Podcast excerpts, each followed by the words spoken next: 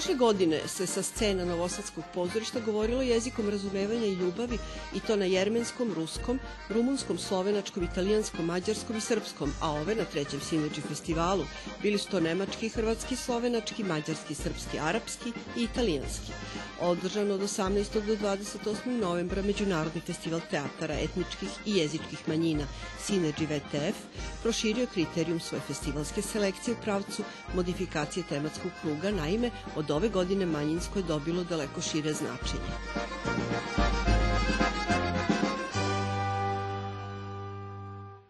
shvatili smo da zapravo uh, pojam manjine ili ti status manjinskog se ne može odnositi samo na pripadnost nekoj jezičkoj ili etničkoj manjini, jer živimo u jednom svetu u kome je mnoštvo manjina, jeli, e, živimo u ostalom, jeli, po mnogima je Evropa, jeli, kontinent manjina i ovaj ne znamo uvek kada je ko manjina, e, kada se od neke većine zapravo e, nešto pretvori u manjinu, odnosno iz manjine nešto pretvori jeli, u većinu.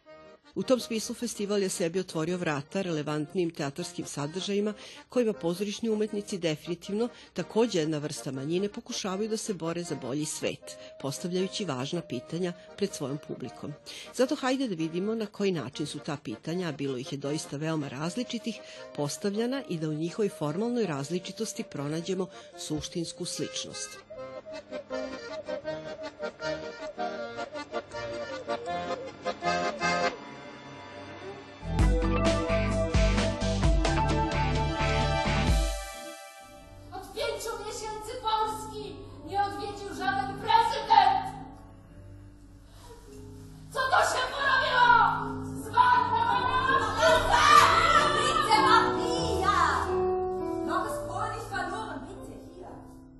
dešava kada Poljakinja i Nemica započnu razgovor na mostu preko reke Odre koja spaja nekada prirodno nespojive, danas nasilno spojene obale dvaju zemalja bogate zajedničke istorije. Dok rasprodaju suvenire svojih verovanja i intimnih ispovesti u predstavi Pandorina kutija Monike Dobrovlanjske, one indirektno odgovaraju na pitanja ko sam ja i ko je onaj koji živi kraj mene. Moj motiv je zapravo drama koju upravo uočavam u Evropi, kao i u sobstvenoj domovini u Poljskoj. Naravno i u nekim delovima Nemačke. To je zapravo problem koji izaziva sve izraženiji nacionalizam, a i pojava neofašizma. Ja sam se odlučila za malo veseliju formu groteske, za satiru, ali je tema zapravo veoma tužna. U osnovi, mi zapravo i ne shvatamo šta se to sve dešava. Zato sam i izabrala grotesku, jer nam sve to veoma groteksno deluje. Umeđu vremenu je ova forma i prekoračila naše viđenje u poslednjim mesecima. Realnost je u stvari mnogo groteksnija. Nevelika u trajanju i stilskim pretenzijama, prva prikazana predstava trećeg Synergy festivala bavi se fenomenom za koji bi se moglo reći sve, samo ne da je mali. Nacionalni identitet i rast desničarskog populizma u Evropi ultimativna je tema svakog ozbiljnijeg razmatranja položaja pojedinca u sadašnjem trenutku. Stoga se umetnički angažman Dobrovlanjske i njene pozorišne trupe Multicultural City Berlin svrstava u autentične pozorišne glasove socijalno marginalnih, ugroženih i manjinskih grupa. Mi smo jedna slobodna pozorišna trupa i finansiramo se preko raznih fondacija, preko Berlinskog senata, a u slučaju ove predstave preko vlade pokrajine Brandenburg. Naime, Odeljenje za političko obrazovanje nam daje materijalnu podršku. Znači, finansiramo se od projekta do projekta. Svaki od učesnika koji dolazi iz četiri zemlje, Francuske, Nemačke, Poljske i Mađarske, boji svojim viđenjem, svojom pričom tu polifoniju glasova iz koje izrastaju obrisi jedne moguće nove Evrope, nasuprot koje stoji urušavanje koncepta zajedničke Evrope širenjem desnog populizma od periferije ka centru.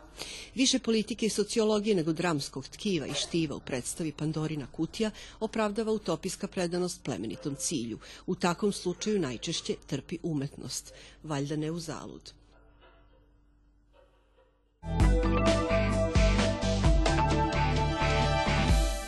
Ich bin in Berlin geboren, war zwei Jahre in Theresienstadt. Deswegen bin ich hier, um Ihnen Ihre Fragen zu beantworten. Još jedno ozbiljno pitanje postavila nam je ista trupa druge večeri festivala. Kako je moguće da u zemlji nebrojenih spomenika holokaustu preživele žrtve nacističkog terora i sudija koji se zalagao za njihova prava budu pušteni niz vodu i postanu meta napada?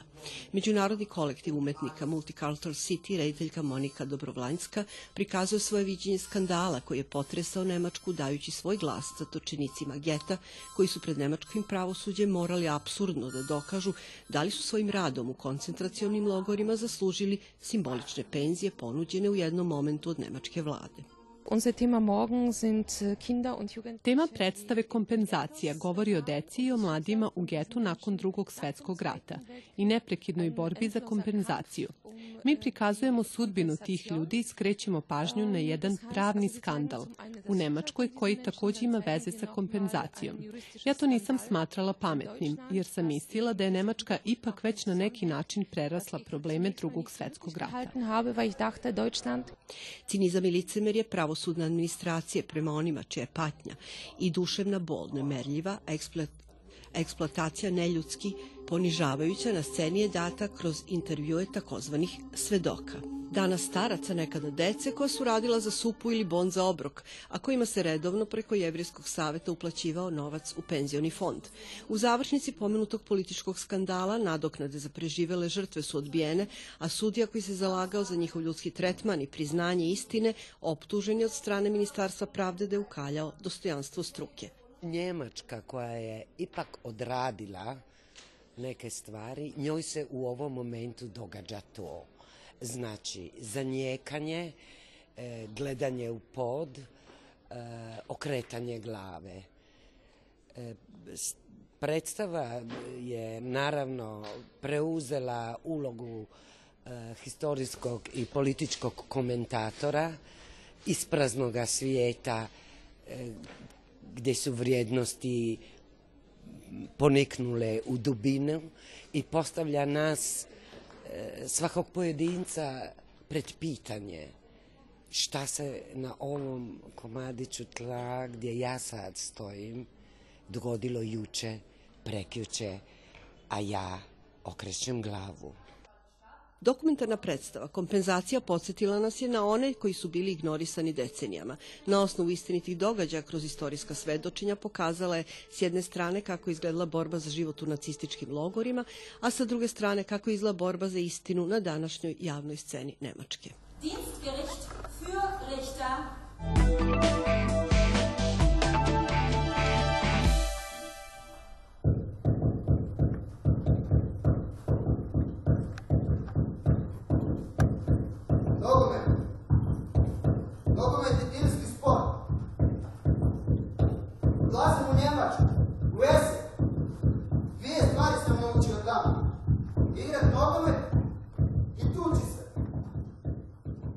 Autorskim projektom Pogledaj me Romana Nikolića i Dvojna Tuščika Siniše Senada Musića i Melanije Mešić treće večeri festivala Synergy Festival se definitivno preorijentisao od smotre predstava teatara na manjinskim jezicima na reviju predstava koje tematizuju manjinski identitet u najširem smislu.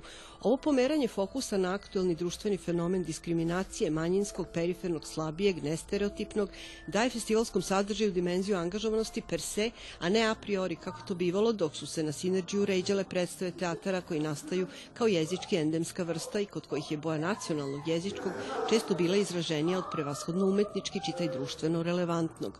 Upravo Zagrebačka nevladina organizacija Arterari, koja se primarno bavi uključivanjem manjinskih stigmatizovanih grupa umetničke produkcije i izvođenjem projekta Pogledaj me, usmerila je, kako naslovi kaže, pogled publike u pravcu produbljivanja granica identiteta.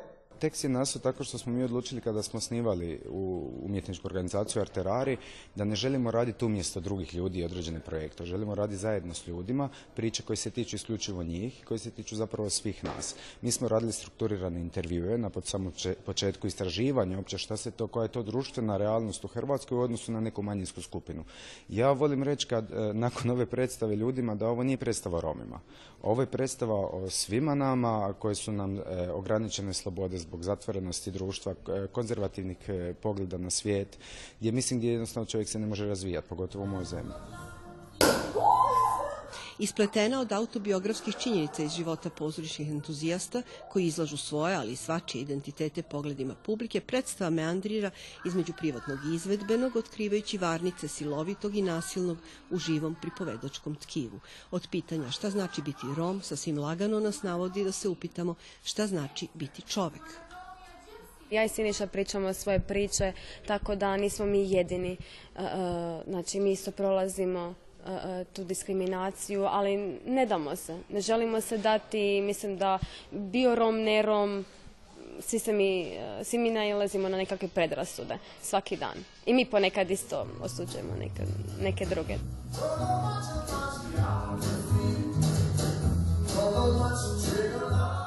Nagrada Hrvatskog društva dramskih umjetnika za izniman doprinos kazališnoj umjetnosti 2017. godine nije u zalud otišla u ruke autora projekta Pogledaj me.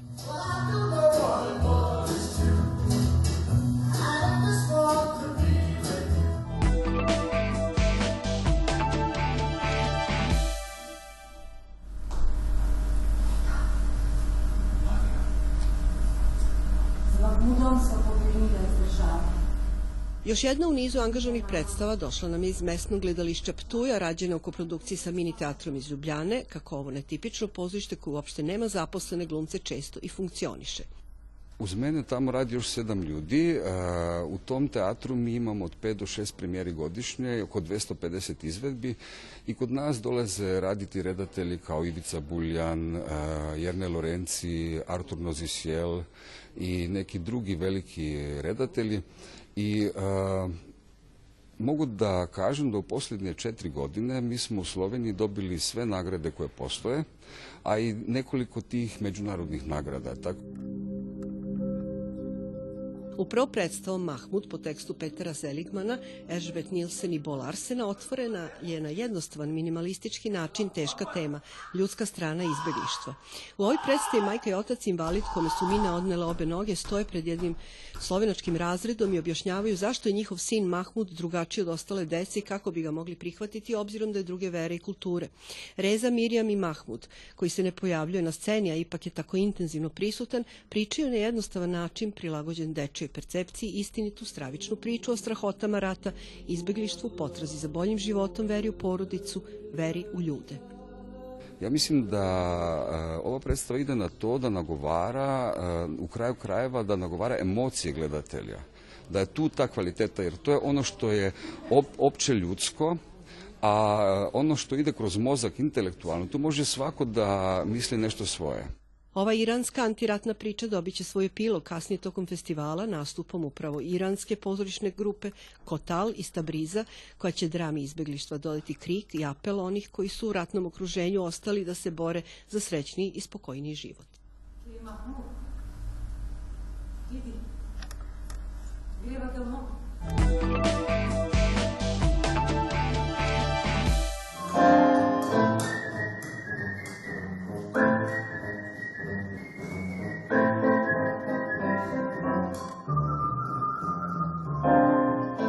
Sa predstavom Pijanci Narodnog pozorišta Targu Mureš iz Rumunije podsjetili smo se klasičnog glumačkog teatra u kome je dobrom tekstu dovoljno da pronađe sjajne izvođače koje ansambl iz Rumunije definitivno posjeduje.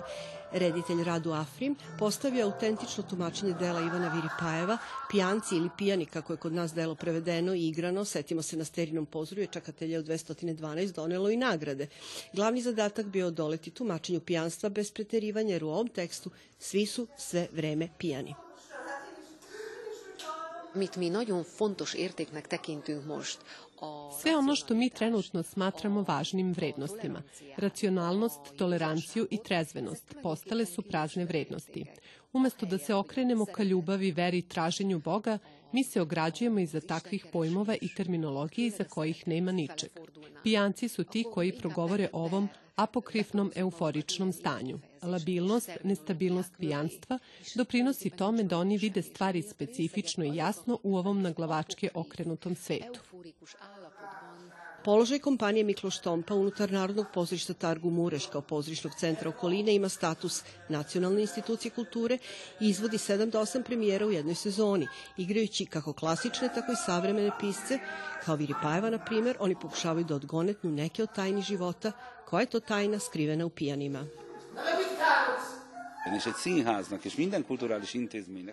Pozorište i sve kulturne ustanove po mom mišljenju imaju zadatak da prikažu kako mi danas živimo. Znamo da su svi naši preci bili sveci, a bit će sveci i sva naša deca. Ali kakvi smo mi? Šta sve dozvoljavamo sebi? Dokle ćemo lagati o nekim stvarima tvrdeći da su nekakve, dok odavno znamo da nisu takve.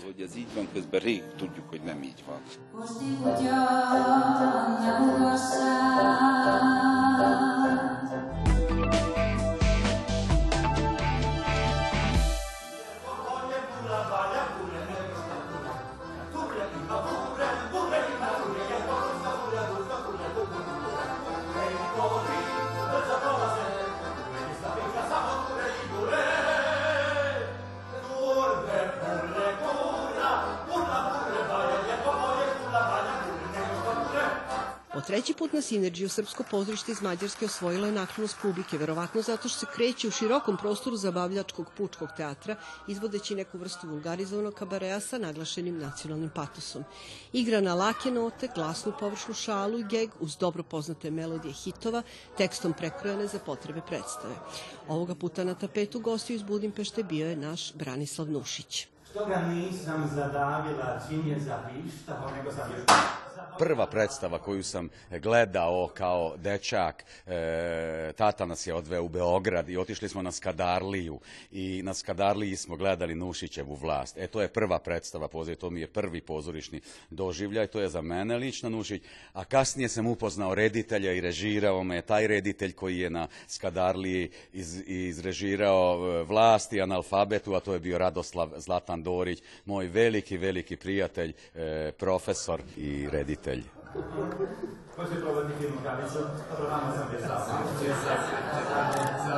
Neko ko je najveći nacionalni komediograf zaslužuje više poštovanja nego što mu ukazano ovom kafanskom izvođenju banalnih vulgarnih poruka koje bi trebalo da povežu naše vreme sa Nušićevim. Razmislili smo o Nušićevo doba i o svim stvarima koje se, koje se događaju i danas i razmislili smo o tome šta znači u Mađarskoj živimo sada već u Evropskoj e, uniji i, i uglavnom e, e, sve one stvari koje nam se događaju od to doba od kad je Mađarska ušla, uglavnom pokušali smo nekako kroz tu Nušićevu prizmu, kroz, kroz Nušićeve naočare nekako nekako da gledamo i da razmislimo malo, naravno koliko je uspelo Nušićevski na tu temu e, i uglavnom da pokažemo neko gledalo i ne, neke stvari kako mi vidimo. Entuzijazam standardnog ansambla Srpskog mađarskog pozorišta predvođen Milanom Rusom bio je nedvojben, ali to zaista nije bilo dovoljno da ova predstava stane rame uz rame sa ostalima na Sinerđiju koje se bave ozbiljnim gorućim pitanjima naših života. Moguće da se baš zbog toga toliko dopala i našoj široj publici.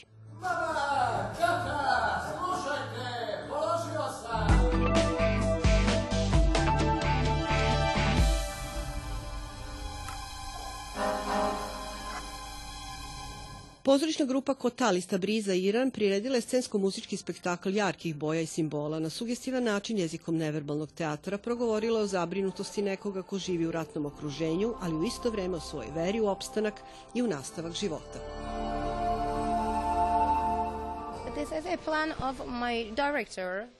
To je bio plan mog reditelja da napravi jedno ovakvo delo, da prikaže periode u životu od rođenja, odrastanja, odlaska u rat i na kraju svega da pokaže kako ljubav pobeđuje sve i život se nastavlja.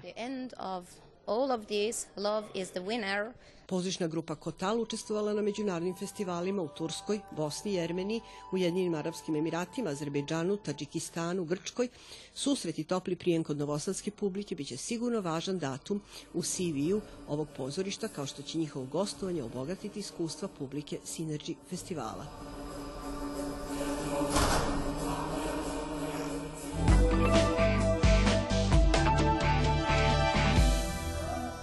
Po mnogima najveći roman ikada napisan Ana Karenjina Lava Tolstoja doživo je stotina adaptacija u film, pozorište, balet, operu, televizijsku radiodramu, čak i umetničko klizanje. Reditelju Dejanu Projkovskom pošlo je za rukom da na sceni Novosadskog pozorišta objedini sve ove žanrovske opcije, uključujući i onu sa klizanjem. Blještave balske dvorane, raskošni kostimi, beskrajna prostranstva, 19-vekovnih ruskih poseda, pomaljali su se i nestajali iza neumoljivih teških vrata rigidnog društva, na čiji žrtvenik pada urušeni život otpadnice, ljubavnice Ane Karenjine. Nekako mislim da sama Ana Karenina a, kao tema u našoj predstavi postavlja pitanje šta je zapravo ljubav, šta znači zapravo voljeti, šta znači zapravo izboriti se za svoju slobodu, ali u smislu ne individualne slobode, no u smislu na, na, na pravo na, napraviti sobstveni izbor.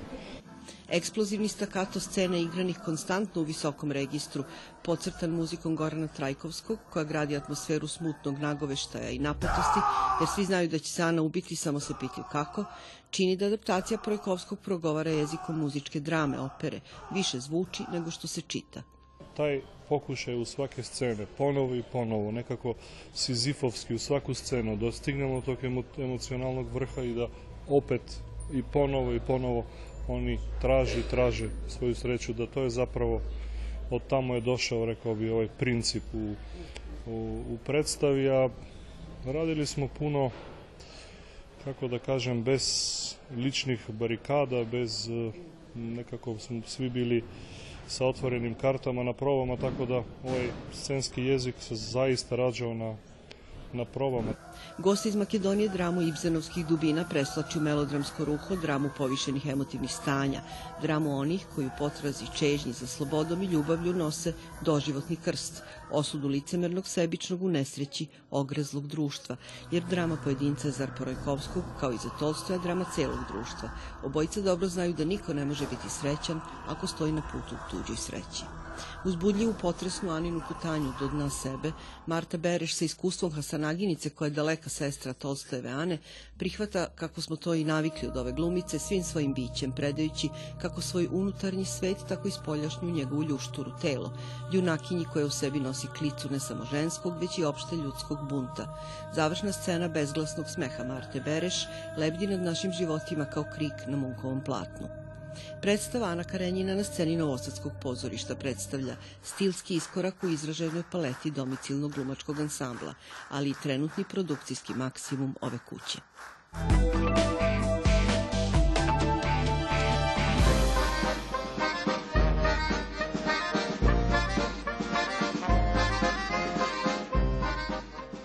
tako se treći Synergy World Theatre Festival u Novom Sadu bližio kraju, kao i ova naša emisija, koja osim dostojnog svedočenja, žela i da ukaže na fenomen manjinskog, kao drugačijeg, skrajnutog, ponekad slabijeg, ali u skladu sa izrekom manje i više, u pozorištu od esencijalnog značaja za nastanak predstave kao celokupnog umetničkog dela.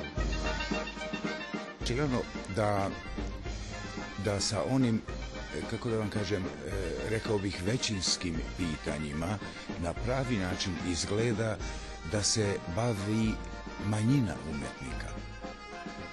to je jedna absurdna situacija da sa svim onim pitanjima koje se tiču svih nas, dakle ne samo većinu, nego i većinu i manjinu zajedno, dakle sa tim većinskim pitanjima, sa tim dominantnim pitanjima na relevantan način, na kvalitetan način i na vrlo razumljiv način se izgleda ovaj, bavi neka manjina. Zato se velikim očekivanjima treba ići u susret sledeće godine nastavku pozorišnih proživanja i prepoznavanja koja će novosadskoj publici doneti četvrti Synergy festival.